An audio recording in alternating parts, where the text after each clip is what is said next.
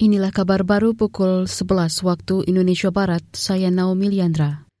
Kementerian Kesehatan meminta pasien positif COVID-19 varian Omikron yang tidak bergejala atau gejala ringan melakukan isolasi mandiri atau isoman di rumah masing-masing.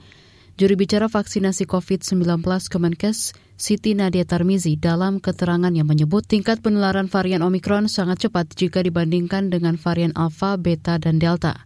Meski lebih cepat, gejala yang ditimbulkan Omikron lebih ringan dengan tingkat kesembuhan tinggi. Kemarin pertambahan kasus positif corona mencapai 27 ribu tertinggi sejak Omikron masuk ke Indonesia. Sementara untuk kasus Omikron saat ini telah mencapai 3 ribuan kasus di Indonesia. Kepolisian daerah Papua akan menambah satuan setingkat kompi SSK personil BRIMOB ke Kabupaten Puncak untuk memperkuat pengamanan, terutama di sekitar Bandara Amunggaru Puncak yang dibuka hari ini.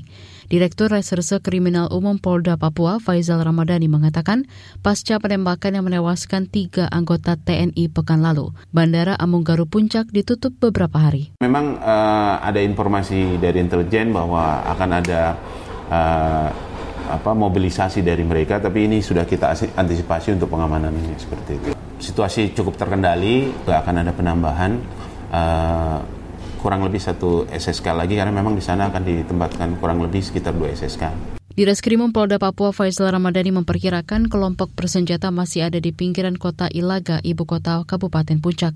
Kata dia, kepolisian juga akan menyebar personil dari Satgas Damai Kartens ke setiap pos penjagaan guna mencegah kelompok bersenjata kembali beraksi di wilayah itu.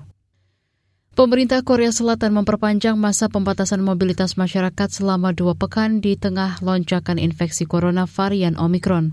Perdana Menteri Korsel Kim Bo Kyum dikutip dari Reuters mengatakan perpanjangan pembatasan ini guna memperlambat penyebaran virus. Apalagi, kata dia, ada kekhawatiran liburan tahun baru Imlek bisa memicu lonjakan kasus COVID-19.